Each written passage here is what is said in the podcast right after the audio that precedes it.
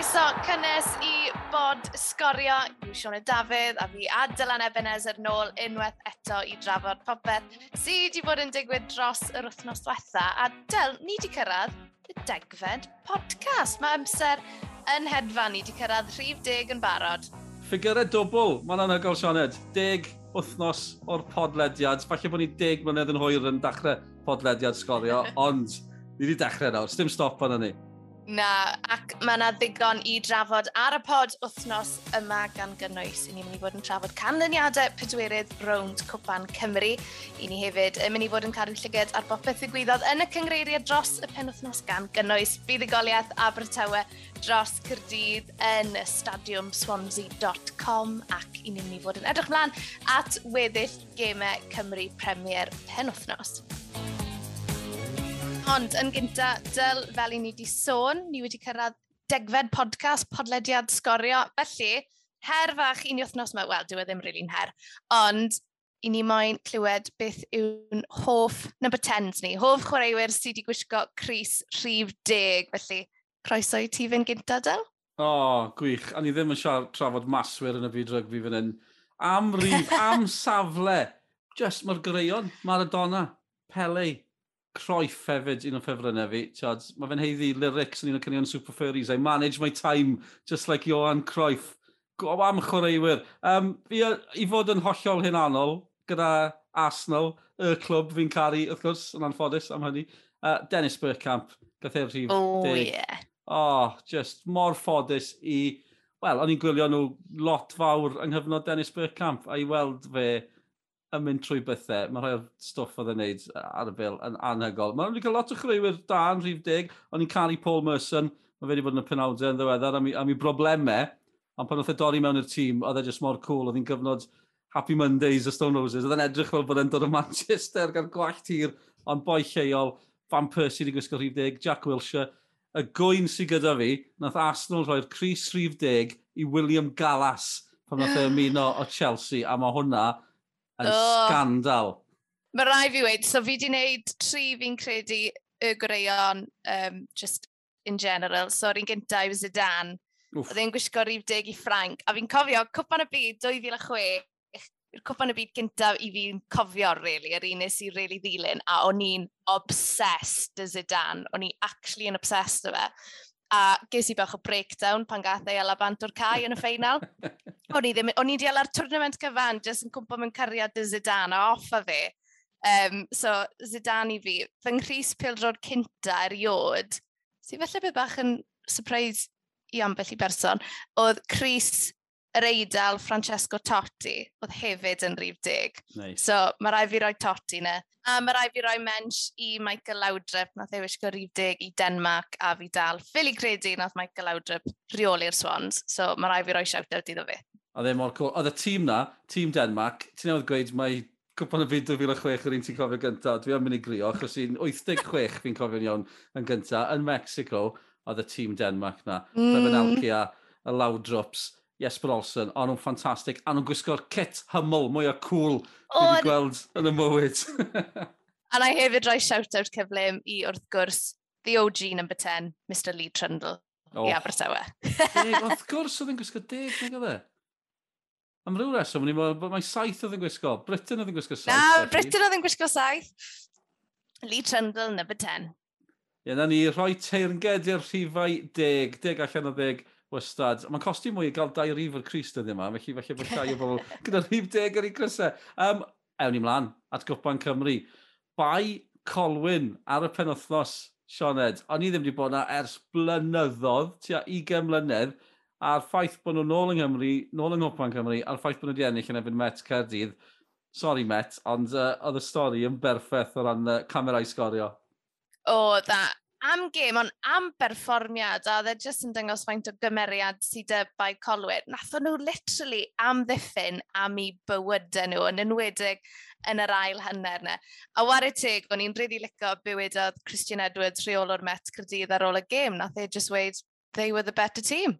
They deserved the win. A o'n i'n really licio'r ffaith bod wedi gweud na, war y teg i fai Colwyn. Unwaith eto hefyd, cryf sgorio yn cael croeso cynnes i ni'n dwlu, dwlu mynd i'r clybiau bach yma. a ti jyst yn gallu gweld oedd pawb, wel oedd neb yn gallu credu'r peth, a cefnogwyr bai Colwyn yn joio mas draw.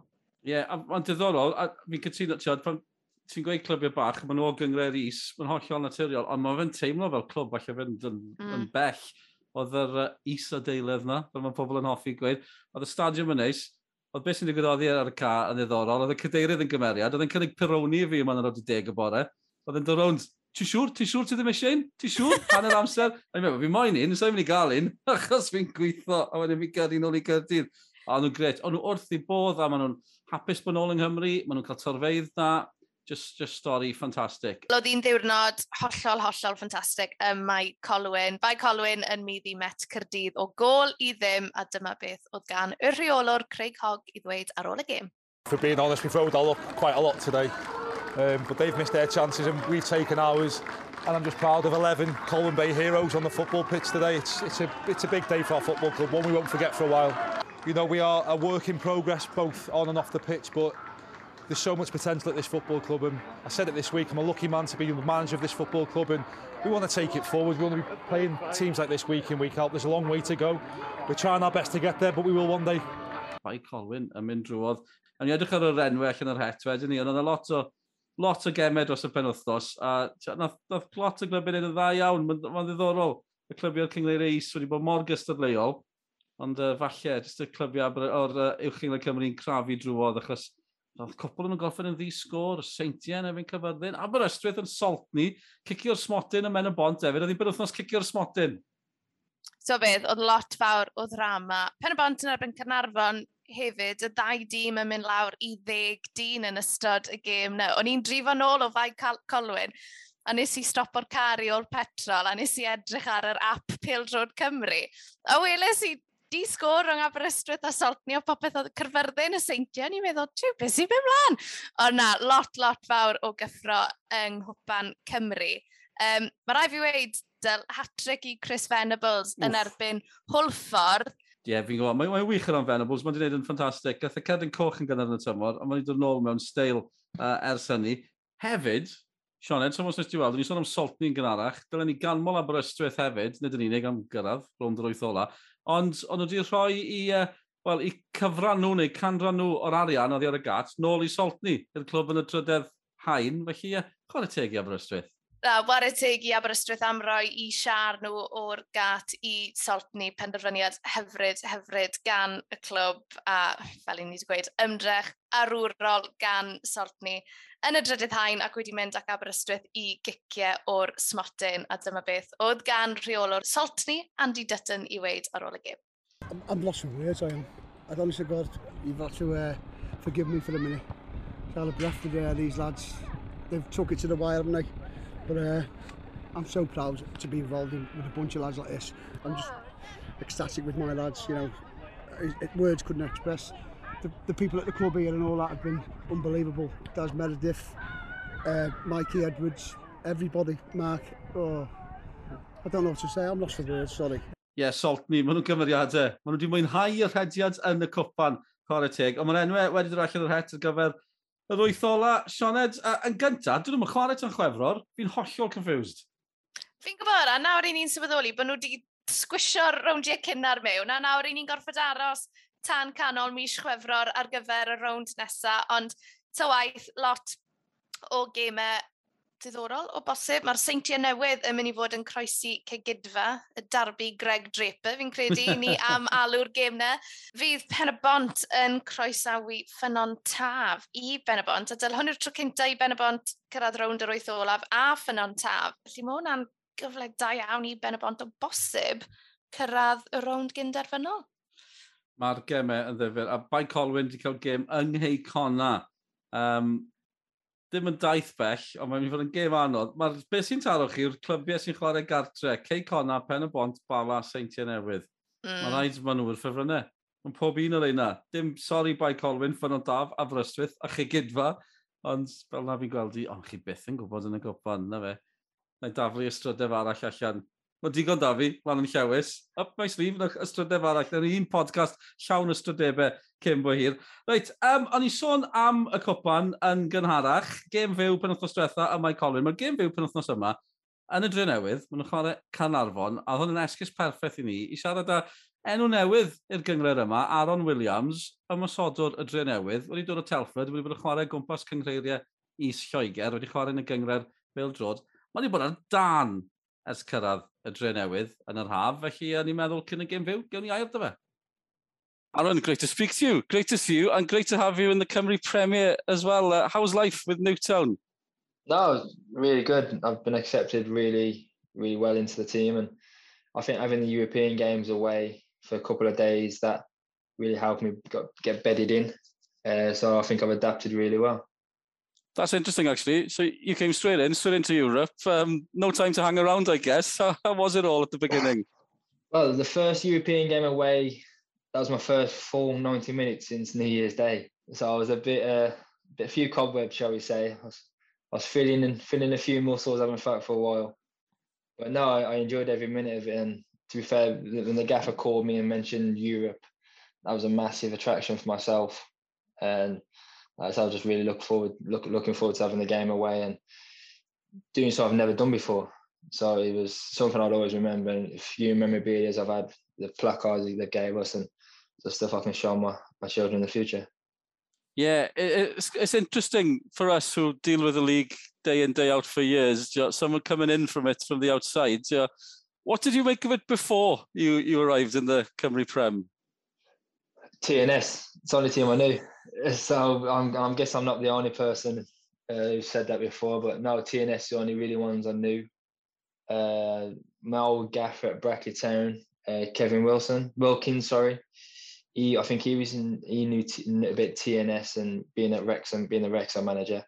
So I gave him a call because he was interested in me as well. And when I told him that Newtown, I'm going to Newtown, he, he gave me some information about the league and and the teams.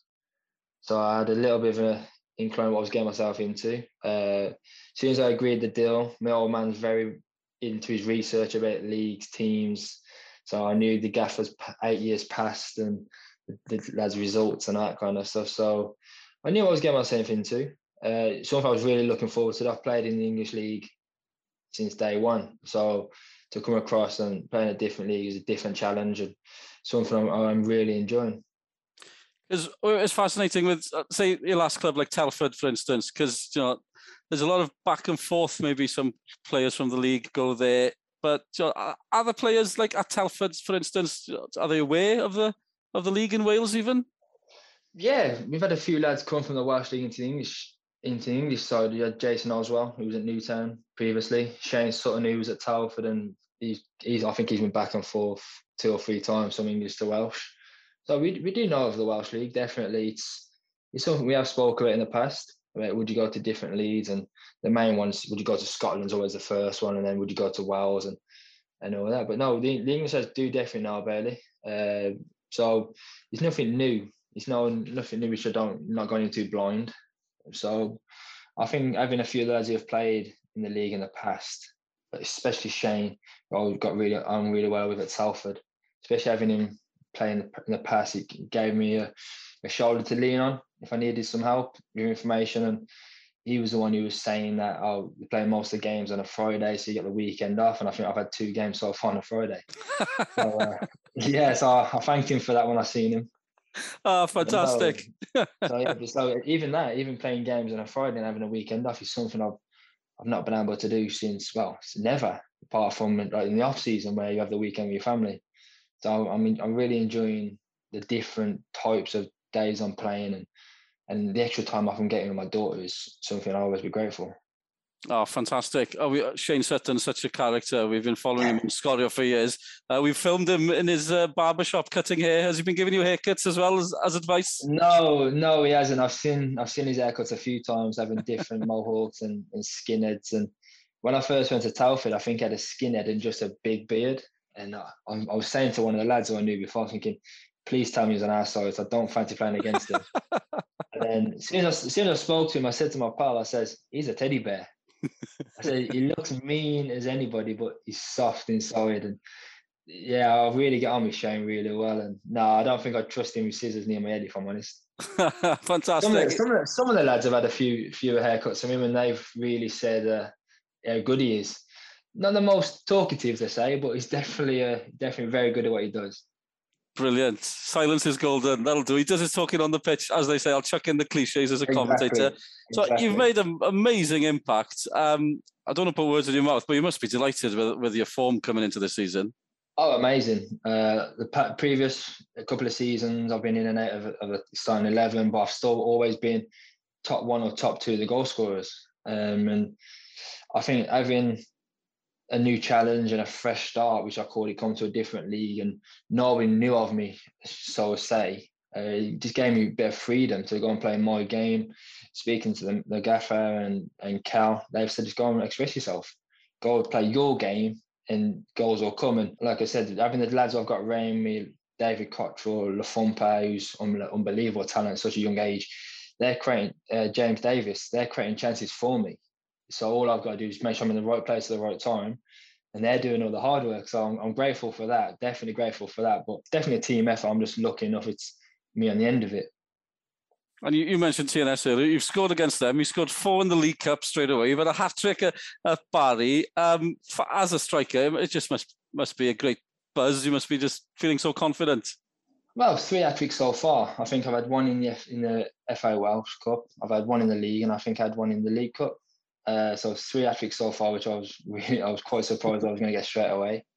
Uh, the gaffer said to me on the first on my first game away, which is the League Cup game away, he says, just go and express yourself. He says, Italy starts now. So wherever you score from today, that starts from today. And I went and scored four. So uh, I think it's a great start. This it really is. I should have done this five, six years ago. Come across, uh, but no, I can't. My form is just down to the lads and down to the, the training sessions we have on.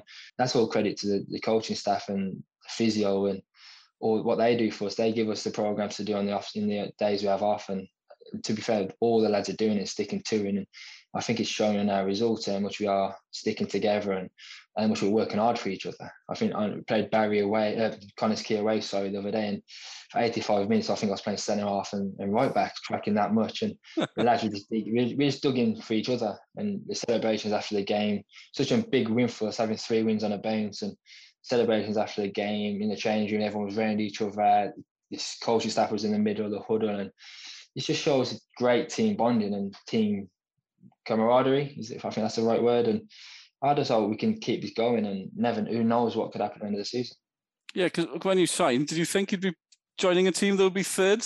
Well, the gaffer when the gaffer told me, he says we've got European this year, and we want to push the top half. The lads we've got, I don't want to blow our, our own trumpets and stuff, and they should be achieving what we are achieving. Unbelievable talent, and like I said, the lads are, are really digging in hard for each other, and the results are showing. So there's no reason why Newtown can't be amongst the TNSs, the the Connah's Quays, and the Flints. Definitely on the Barry Towns. What what about the playing? Not the playing standards. The style. Is there a big? Is there a difference in the leagues? Massive. When Shane says only twelve teams, I'm thinking, what? So by Christmas we finish the season. Like, I played 24 games by then. What are we going to do? And he went, no, there's a there's a split and top six play each other and bottom six play. I'm thinking, Shane, I'll let uh, him go and speak to somebody else. So I was, then the gaffer explained it all, and I'm thinking, I've never ever heard of this before, splitting off and having a two week, having a break over Christmas and and all that. So it, it's like I said, it's something new, and like I said, if it means more time with the family, which I've never been able to do in the past, and having a daughter so young, I get so much spend so much time with her now, which, like I said, I'm grateful for. And yeah, I'm just I'm slowly getting used used to the the one day training sessions and the split league. And I think after the first season, I think I know what I'm getting myself into with the split and trying to occupy my body to not overdo it in the, the weeks we have off and just be prepared for the the games next. You're playing teams again for the for the second time because there's a less teams in the league. Carnarvon coming up, you scored against them once. Does that happen a lot? Not they don't suss you out, but they're ready for you the next time rounds. Well, we played Carnarvon away, and I'm surprised I lasted half an hour on the pitch. Honestly, I was horrific, and the gaffer came in a half time, and like, the first thing he just got into me. The first thing he said, he walked through the door. All lads are sitting there. He just looks and starts pointing at me. That was his team talk for about five minutes, really getting into me. So I, I was really bad that game, and lucky enough I stayed on the pitch. I don't know how, I really don't. And I came up with a goal and it was 2 0 at that point. So I think with my form at the minute, they're going to have a different game to what they had last time against myself. But the other teams who I have had good performances again, yeah, they might want to mark, me a little bit tighter. But the lads I've got around me, they can go and do the business as well. So it's yeah, I'm the one gets the goals at the minute, but I might have a in for six weeks, and the other lads have, they'll have a scoring run. So either way, we're going to score as a team. We're going to defend as a team, and if it means me getting the goals or somebody else getting the goals, I don't mind as long as the team gets the goals and we get the points. I love the confidence. Chris Hughes must love the, the, confidence as well, bringing that into the squad, into the into the group we got there at Newtown. Um, you've scored goals all through your career. I've got to ask you about a few highlights. I've, I've seen Brackley um, winning at Wembley. Do you know that must have been that must have been special. Oh, unbelievable! I was at Newtown, uh, sorry, Newport County in League Two, and a new manager came in, and the pre we had a conversation pre-season, and we weren't seeing eye to eye. I played the first league game. I was on the bench in the first league game, and then after that, he says, "No, you know my plans. Uh, I want to go out on loan." and and Brackley came up so I went there for the first half of the season. I think I scored 24 or 25 in the first half of the season. And they wanted me to stay. I went back to Newtown over Chris, uh, Newport, sorry, over Christmas, and I had a conversation with, the manager there, and they tried to sell me to another club. And I've said, no, I'm not going anywhere. If I'm to leave, I'll go. I'll go back to Brackley. Don't try and make a, a quick book on, on my recent form. So I walked away from my contract. I literally walked away from my contract. I walked away from apartments. I was really getting looked after, and I, walked away from it all because I weren't happy there.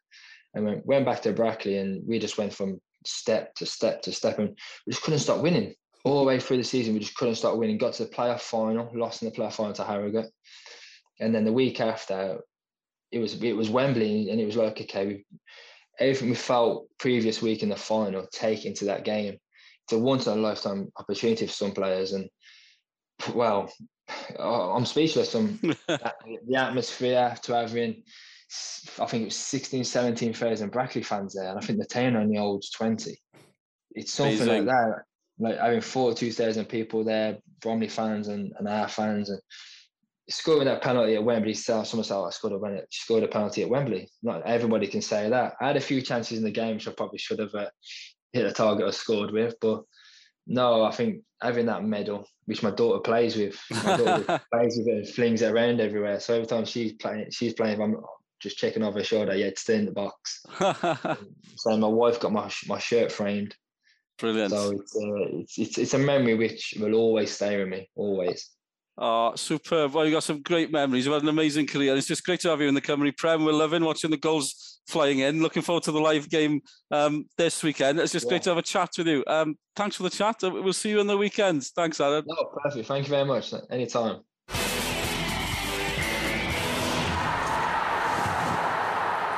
Diolch mawr i Aaron Williams am gawd y cwmni i ni fan hyn a'r bodlediad sgorio A nawr, mae'n amser unwaith eto ar gyfer her y 90, cipolwg ar y Cymru sydd wedi bod yn ware yn y cyngreiriau draw yn Lloegr a Thu Hwnt.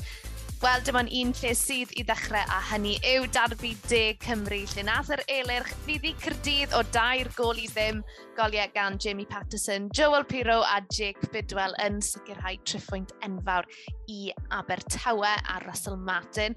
O ran chwaraewyr Cymru, wel Ciffa Mo oedd yr unig Gymro nath ddechrau'r gêm yn y stadiumswansea.com. Ben Cabango a Liam Cullen yn dod mlaen o ddi ar y fainc i Abertawe, tra bod Will Vokes a Ruben Colwell yn dod o ddi ar y fainc i'r adar gleision yn uwch gyngrair Lloegr, wel ddath Nico Williams o ddiarfainc i Lerpwl yn ei buddugoliaeth nhw o 5 gol i ddim dros Watford. Williams yn creu'r gol i Firmino y munudau e olaf y gêm. Mae'n werth gweld, so ceirwch ar Twitter i weld hynny. Nath Tyler Roberts a Dan James ddechrau i Leeds dydd Sadwrn, ond tîm Bielsen colli i Southampton o gol i ddim. A unwaith eto, Joe Rodon yn cael ei adael mas o garfan Tottenham. Hmm, Draw yn y bencampwriaeth, campwriaeth, wel gath Brennan Johnson o Nottingham Forest i enwi chwaraewr ifanc y mis yn yr EFL a nath e ddathlu ennill y wobr trwy sgorio'r gol agoriadol yn erbyn Blackpool dros y penwthnos. Yn yr adran gynta, nath Regan Poole sgorio i gol gyntaf i Lincoln yn eu buddugoliaeth nhw dros Charlton ac yn yr ail adran. Johnny Williams yn sicrhau pwynt gwerthfawr tu hwnt i Swindon, gyda'i e ar ôl 90 munud yn union i'r sgôr i orffen yn ddwy yr un. A draw yn yr eidl, wel nath Ethan Ampadu chwarae 90 munud cyfan i Venetia, lle wnaethon nhw achosi bach o sioc yn Siri Ag. nath nhw giro Fiorentina o gol i ddim. Trwy enfawr i Ampadu a'i dîm, a mae rhaid i fi weid cefnogwyr Venetia llawn clod o ampadw yng nghanol y cae. Felly mae'n swno fel bod hwn yn symudiad arfenthig sy'n gweithio mas yn dda iawn i ampadw. Reit, ter yn 90, nes i fwynhau hwnna. Bron gymaint yn ysdi fwynhau y gêm ddarbu, a nes i glywed ti'r radio bod di sadwn yn hollol hyderus. Sianed, o'n i'n meddwl, o'n i'n meddwl, o, dewr, gysi, ond cywir hefyd. Wel, nes i proffwydo bod Abertawe yn mynd i ennill o ddwy gol i ddim, a eithon nhw un extra. Ennill o dair gol i ddim, a mae rai fi weid, hwnna y perfformiad gorau o Dan Russell Martin hyd yn un tymor mac am gêm i benderfynu. A dda fel sy'n popeth di clico i'r eilirch dydd syl yn y stadiwm swansea.com. Er fi dal yn gael fe'r stadiwm Liberty, sa'n fan o'r enw swansea.com, ond ty waith, perfformiad anhygoel, ond mae rai fi weidl mae yna fa'r cwestiwn mawr dros dyfodol Mick McCarthy nawr. I ti'n ti gwelen aros? Fi methu credu be nes i weld dydd syl, achos dwi wedi gweld Abertawe ar teledu, sydd wedi gweld yn y cnol, ond i heb gweld cael dydd, mae fflot o ffrindiau fi'n mynd i gwylio nhw, a mae lot o nhw'n cwyno, ond fe mae'n wael nhw, a mae nhw'n wael, mae nhw'n wael mm. iawn. Tiod, oedd yn anhygol yn teimlo tre'n gos Cifo Mo, oedd ar ben un. Maen nhw wedi colli gemen o Lennon nawr. Mae Warnock o Middlesbrough yn dod ar y penwthnos. Dwi'n methu gos a llethau aros yn y swydd. O wedyn ni, be na nhw? Mae'r chwaraewyr yn mynd i fod rhywun peth, pe bynnag sy'n dod mewn. Gyda Abertawe, y chwaraewyr technegol yno, felly maen nhw'n gallu cadw'r ffordd o chwarae am hwnni. Ond dwi'n gwybod ble mae Cardydd yn mynd. Maen nhw'n methu cario ymlaen fel hyn, yn chwarae pêl drod fel hyn, am dymor arall. Maen nhw'n bod yn mm. ysblynyddoedd nawr Chod, ond nhw'n coino am bob rheolwr, a maen nhw'n newid y rheolwyr, a maen nhw'n gyd rhywun peth fwy na lai. A nath Mick McCarthy ddweud ar ôl uh, gêm yn ebyn Bournemouth, o, oh, bod ni wedi dechrau'n dda, wedyn eisiau nhw, oh, they just test us out, teams know how we play. Wel, mae pawb yn gwybod sy'n fawr yn chwarae. Yeah. Chi'n gwybod beth sy'n dod, a dwi'n yn braf gwylio fe. Oce, okay, os chi'n ennill, chi'n chi cael maddeiant weithiau, ond maen nhw just, mae'n driennus na ar hyn o bryd. Chi'n teimlo, fi'n afo lot o boes cydydd, a fi'n teimlo dros dyn nhw achos Dwi e ddim yn hwyl i wylio hyn, nag yw e? Sôn am hwyl i wylio dyl, mae rai fi ofyn ti am Arsenal nithwr gêm gyfartal yn erbyn Crystal Palace, ond o, oh, ti'n tymlo'n watch tra'n y gêm na. Ne, Arsenal yn erbyn Crystal Palace, i fi nawr yn mynd i alw fer darbu pobl sydd wedi gwneud i bath o dyna nhw gyda Cymdeithas Pildrod Cymru. Coach Education Pathway Darby, Arsenal fi Palace. Mikel Arteta yn efo Patrick Vieira, a, wel, gweud y cyfan ar ôl y gêm bod cefnogwyr Arsenal wedi penderfynu bod ni'r cynchwaraewr anghywir yng ngofal y tîm. Mae Vieira fel sef wedi gwneud mwy mewn tri mis na mae Arteta wedi gwneud mewn dwy flynedd gyda Arsenal. Falle mae Osian Roberts... Mae Arteta wedi bod am ddwy flynedd yn barod. Do, do, do. Felly, mae fe wedi cael amser i newid pethau. Mae fe wedi newid y galfan. Ti sôn am Abertawe yn ennill y darbu a fain o hobl oedd e, popeth at ei gilydd. Oedd Arsenal gyr o Spurs cwpl o thnos yn ôl, a dde'n hmm. teimlo fel newid, chwrwyn nhw mor dda, nes nhw chwalu Spurs, a dde fel, reit, dyma ni, dyma be ni eisiau, ers ni, di sgor yn Brighton, crafu gael pwynt yn efo'n Palace. Er, mae ma hyn yn gweith llawer, mae Brighton yn cael tymor gwell da ni, mae Palace yn neud yn dda, nol mae nol yma Arsenal ar un o bryd. Ond ni mor ddefnydd gweld Fiera a'r Teta a Osian Roberts wrth ochr y cae fi'n argyhoeddedig mae Fiera bydd rheolwr nesaf Arsenal. Dwi'n ddim coet yn siŵr pryd. Ond um, blwyddyn, falle, mae fe'n teimlo fel audition. Mae fe mor patronising gyfrog o'r Palace, ond mae hyn i gyd yn teimlo fel rhagbrawf fel petai, a bydd yn yr Emirates cyn bo hir. A gobeithio bydd osian na gyda fe. Byddai'n dyn hapus iawn os yw hwnna'n digwydd. Mae'n amser i ni edrych ar y pyramid, a ar ôl deg podlediad, dwi wedi cael yn ffordd, Sioned, ond eisiau cerddoriaeth ar gyfer hwn. Cerddoriaeth o'r pyramid Egyptian, fath o beth. Fi wedi cael yn ymuniad o diwedd, dyma fe. Hen bryd, o'n i moyn um, Walk Like an Egyptian gan y bangles, o'n i methu ffordd Italia am hwnna. Nid hwnna tro, ti offi e? Joio hwnna'n fawr iawn, da. Fi falch bod ti wedi cael dy ffordd o'r diwedd, o'r diwedd. Reit, fel hyn mae pethau, Cwpan Cymru wedi bod yn amlwg, felly dim pawb sydd wedi bod yn chwarae yn y gogledd, mae Sian Gefni di ennill am y tro cyntaf tymor yma a codi o'r gweilod. Wara teg iddyn nhw. Uh, Sian Rhaedr sydd ar y gweilod erbyn hyn, ond Sian Gefni'n edrych yn, yn ennill yn erbyn Sian Edloes. Ebus ar y brig yn eich nhw o 6 gol i 1 yn erbyn Treffynon, 4 pwynt yn glir ar y brig. Hotspur Cargybi yn taro 5 yn erbyn Gresford hefyd. Ond pen wythnos yma, mae dau o'r tri gweilod yn cwrdd, Treffynon yn erbyn Sian Gefni Mae Ebers sydd ar y brin cwrdd y prestatyn, cygydfa yn ail yn erbyn Bai Colwyn, a mae Llandudno a Bwcle yn cwrdd trydydd yn erbyn pedwerydd. Yn y dem o'r gêm fawr, cynta yn erbyn ail, pnawn di sadwn, pont y prydd yn erbyn Llanelltid fawr. Stym un o'n wedi colli. A fydd hynny newid, falle bydd hi'n gêm gyfartal, so gwybod, pedwar pwynt o fwlch ar hyn o bryd, Llanelltid sydd ar y brig.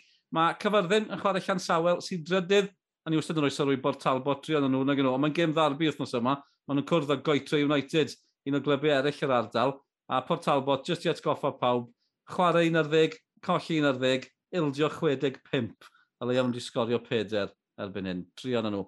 Fi hefyd wedi edrych ar y cyngleiriau is, ond i'n meddwl, man o man, mynd bach yn ddyrnach. Ti di mynd reit lawr, ti di mynd reit lawr wrthnos me. Do, glei. Felly, o dan y cyngleiriau de a gogledd, mae yna bedair adran, ardal gogledd ddwyrain, felly ardal un o gyd. Gogledd ddwyrain, gogledd o'r llewn, de ddwyrain, de o'r llewn.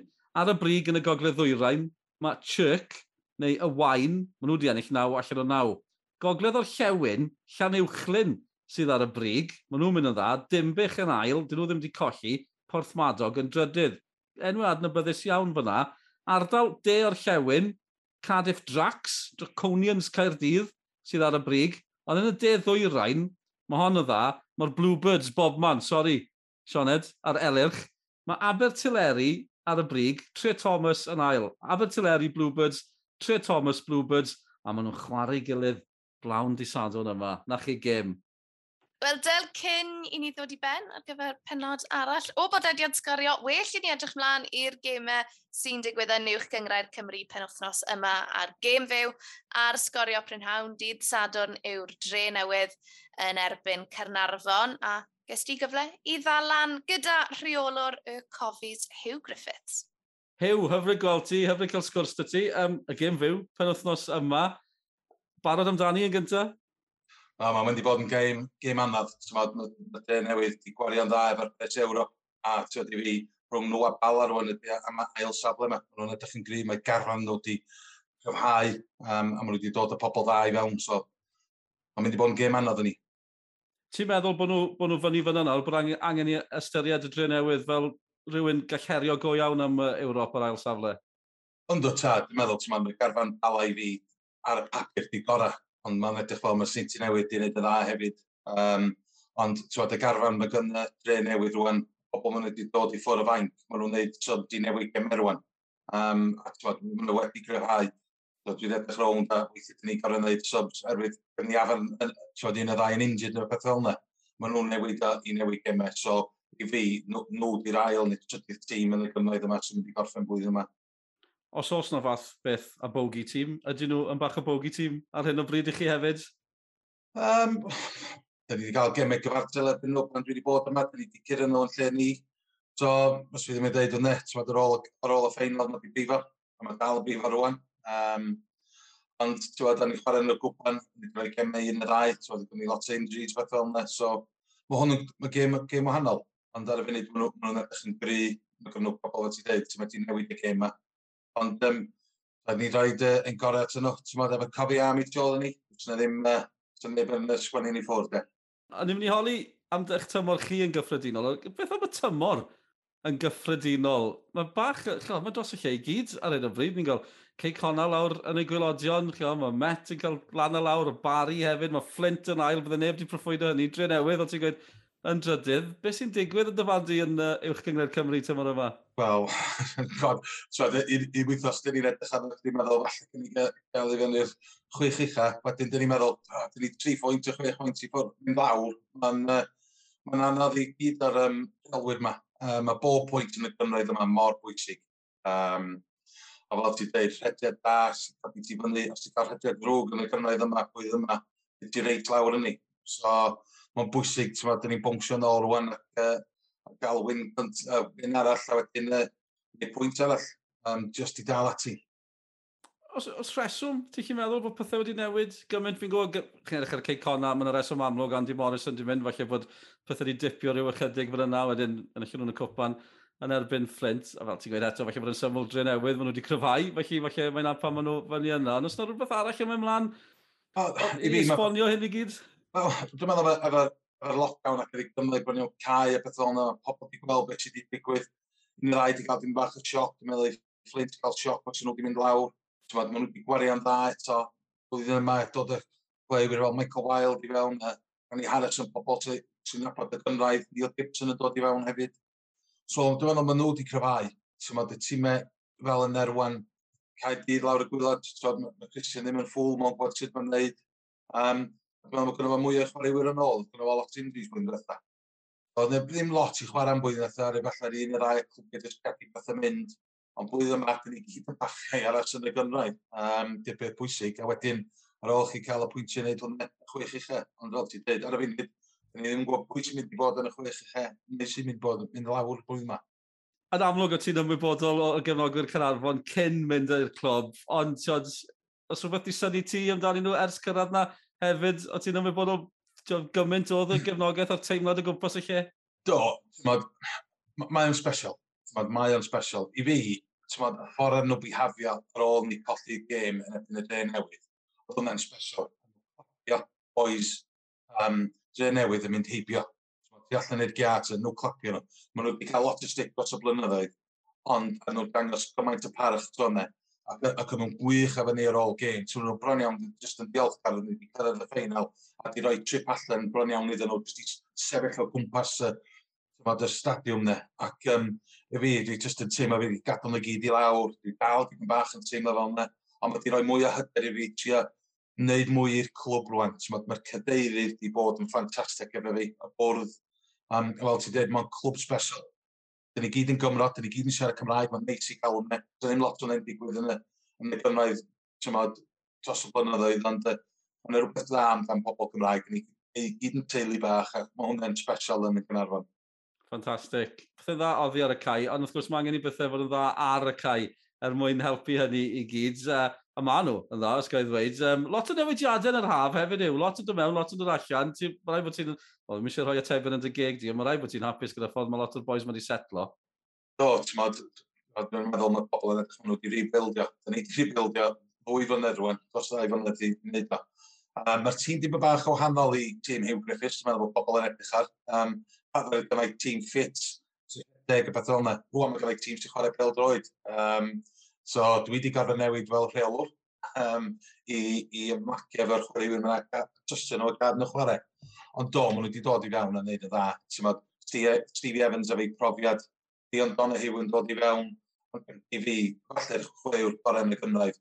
Um, Danny Goss yn, yn dod at sgorio'r gol yna ar ôl beth i digwydd i fo. A wedyn i fi, Rob Hughes. Mae Rob, ma Rob Hughes yn chwarae pêl-droed gorau mae wedi chwarae yn y gymryd yma. Um, a dwi'n meddwl mae wedi ffeindio teulu fo, dwi'n meddwl y cofiam eisiau setlo fo i lawr hefyd, mwy eisiau bach o'ne, a mod i bod yn wych yn y blwyddyn yma. Um, so, mae yna lot o bethau di newid, ti'n meddwl, garfan. Um, ond, ond ti'n ni'n neud yn weddol ar y funud, mae'n i ddal lot i fynd. Ie, yeah, fel ti'n gweud, mae, mae yn gystadleuol dros ben. Tiod, a ni bron hanner ffordd drwy hanner cynta y tymor, os yw hwnna'n gwneud synwyr. I chi'n edrych hyd yn oed mor gynnar o hyn, i chi'n edrych ar y safle yn y tabl a meddwl, reit, ni jyst angen sefydlogi neu siŵr bod ni'n saff yn y chwech eich yna? Na. Na. Siw bai, dyn ni setio'r goli allan cyn dechrau flwyddyn. Um, efo'r efo, efo tîm y management sy'n gynnau ffish, cef a rhys, so wedyn pictri. Um, dyn ni'n edrych o beth ni'n trio wneud. Ac, ni ddim cwyd y siwr lle ydyn ni um, yn y pre-season, cos ni'n chwarae ffordd gwahanol, ond uh, ni wedi dechrau dechrau'n dda, ar ôl y gemau ni wedi cael, os bys ni wedi dweud bys ni wedi cael y pwyntiau yn erbyn y tîm wedi chwarae, so ni wedi cymryd o. Um, o'n i'n anlwcus yn ebyn y Flint uh, so, disod yn diwetha yna, ac dyn ni wedi colli yn y Cwpan Cymru heb i olga gol. So, ar y funud mae pethau'n edrych yn dda. Ni Un o'r ddau injury, so maen nhw wedi bod yma'n dipyn hefo ni.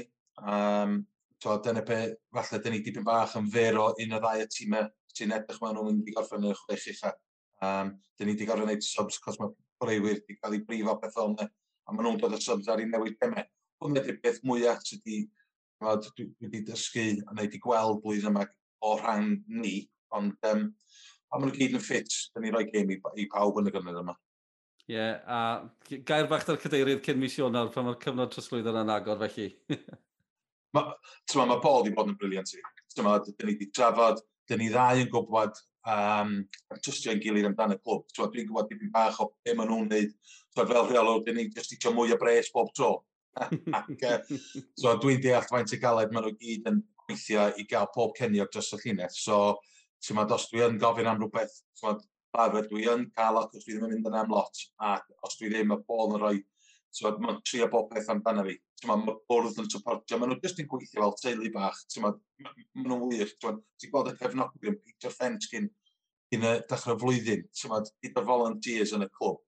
Ond, ti'n meddwl, mae gennau rhywbeth special efo'r cydeirydd, um, a'r bod i dweud gwir. Ond uh, Paul, yn, dwi wedi siarad lot o fel, mae wedi helpu fi uh, i ffwrdd y cae ac efo'r cae hefyd. So, twa, just, um, gael ati e, sy'n siw braidd, byddai'n rhoi gael o ffôn yn ac i rwsa mwy o bres yn iad meetio nawr sti. Hyfryd. Hew, edrych mlaen i'ch gweld chi di sadwn. Mae'n teimlo fel bod y gyngor mewn lle da. Mae Cynarfon yn rhan enfawr o hynny. Felly, uh, diolch am ysgwrs. Ni'n mwynhau dilyn chi tymor yma. Wel, ni ti di sadwn. Diolch ti del, Gael gael ti di sadwn, mai wastad yn braf cael sgwrs gyda Big Hugh, Hugh Griffiths, wastad yn barod amdani. Ie, yeah, pa math ei gynarfon, o'n i ddim yn siŵr, o'n i'n meddwl bod, e, bod nhw'n panico, a bod e'n panico, chos yn gael derwyddon, o'n i'n gweithio mas yn berffaith nag oedd e, mae fel sy'n wedi cael ei, cael ei wneud i'w gilydd ar ddechrau Bangor, sef yn poeni am hynny dyddiau yma. A pen wythnos un, mae hwnna'n gêm fawr yn amlwg, mae'n fyw gyda ni, ond mae'r ddau ucha yn chwarae gilydd, a dau gweilod yn chwarae gilydd, Flint yn efo'n y Seintiau Newydd, Mike Wild yn efo'n y Seintiau Newydd, a lawr yn y gwylodion, derwyddon yn erbyn Holford. Mae mor agos, mae'n mynd i fod yn uh, ben wythnos mawr. A hefyd, achos mae'r tymor yn torri, ni bron hanner ffordd drwy hanner cyntaf y tymor. Nes i ddrysu Aaron Williams yn sôn ymlaen gyda llaw, oedd e jyst ddim yn deall drian. a gêm enfawr, fe wedys di, Hwlffordd yn erbyn y dyrwyddon Kevin Dyl a mi nhw'n nhw'n mynd i fynd. Wel, beth sy'n na'r peth, pan ti'n edrych ar y tabl, mae'n agos ar y gwylod, well, tio, mae'n weddol agos yn y gwylodion, mae dyrwyddon, giswn nhw'r pwynt na, a chi'n meddwl, o, gawn ni weld os allan nhw dal yn ôl. Holford, wedyn Aberystwyth, wedyn Cey Conna, mae'r bari a pen y bont yn yr hanner gwylod, a fel fi'n gweud, mae un o'r clyfiau yna mynd i fynd. Mae nhw'n mynd i syrthio allan o'r gyngrair. Pain, pwy a wyr. O, Byddech chi'n tybio bod... Oh, chi methu gael pen y bont ar bari yn ei chanol i. Allai ame bod Cey Conna mynd i fod yn ei chanol i. Mae Holford edrych fel sy'n nhw'n gallu gwella hefyd. Aberystwyth fi'n poeni, ond maen nhw wedi bod o'r tymor cyntaf un. Dim ond nhw y drenewydd sydd ar ôl. Chi jyst yn poeni'n barod. Sy'n anheg, ond mae mor agos â hynny. Diddorol. Mae rwy'n ymwneud ddisgyn. Panic, don't panic, fi ddi. A fi dal yn cael sioc pob tro fi'n edrych ar y tabl a fi'n gweld Cey Conna yn, yn, yn, yr hanner gwylod, maen nhw'n nawfed ar hyn o bryd dyl gêm enfawr, maen nhw'n teithio lawr i Gyrdydd i chwarae Met Cyrdydd. Bydd hwnna'n gêm fach ddiddorol achos ond am y sioc yn y gwpan yn erbyn bai Colwyn, Met Cyrdydd bod yn waren dda, lot o momentum dyn nhw yn y gyngrair hefyd, felly bydd hwnna ddim yn gêm hawdd i gei Connor. Na, a fi'n gwybod yn allan nhw'n y cwpan, a oedd hi'n ganlyniad pwysig ydyn nhw yn erbyn Flint. Ond mae'n rhaid nhw'n y gyngred yn, yn ofnadw. Na le maen nhw angen y pwyntiau. Mae Met yn dîm rhyfedd. Chi byth yn gwybod beth sy'n dod gan Met. Mae nhw'n gallu ennill yn efo'r unrhyw un. Fel ni wedi gweld, maen nhw'n gallu colli yn efo'r unrhyw un. Nes i wei bod fi llawn ystodebau wythnos yma. A well na bod yn llawn anwyd, nag yw e? Na daflu'r ysgrydefau mas yn lle'r anwyd. Newyddion da. a fi llawn anwyd ar hyn o bryd. So fi'n teimlo fel bod pawb ath i Prag a Estonia yn dost ar hyn o bryd. Felly os oes unrhyw un yn gryndo, fi'n gobeithio bod chi'n teimlo'n oce okay, a bod chi'n i ifed digon o lemsip.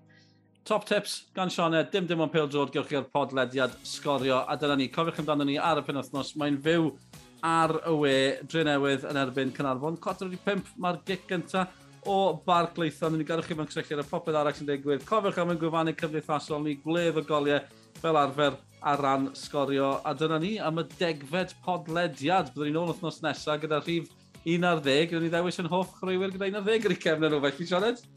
Fi fy Gareth Bale, Dyl. Dyma ni'n ateb sydd i'r cwestiwn yna. Sim angen fynd yn bellach. Ta-ra!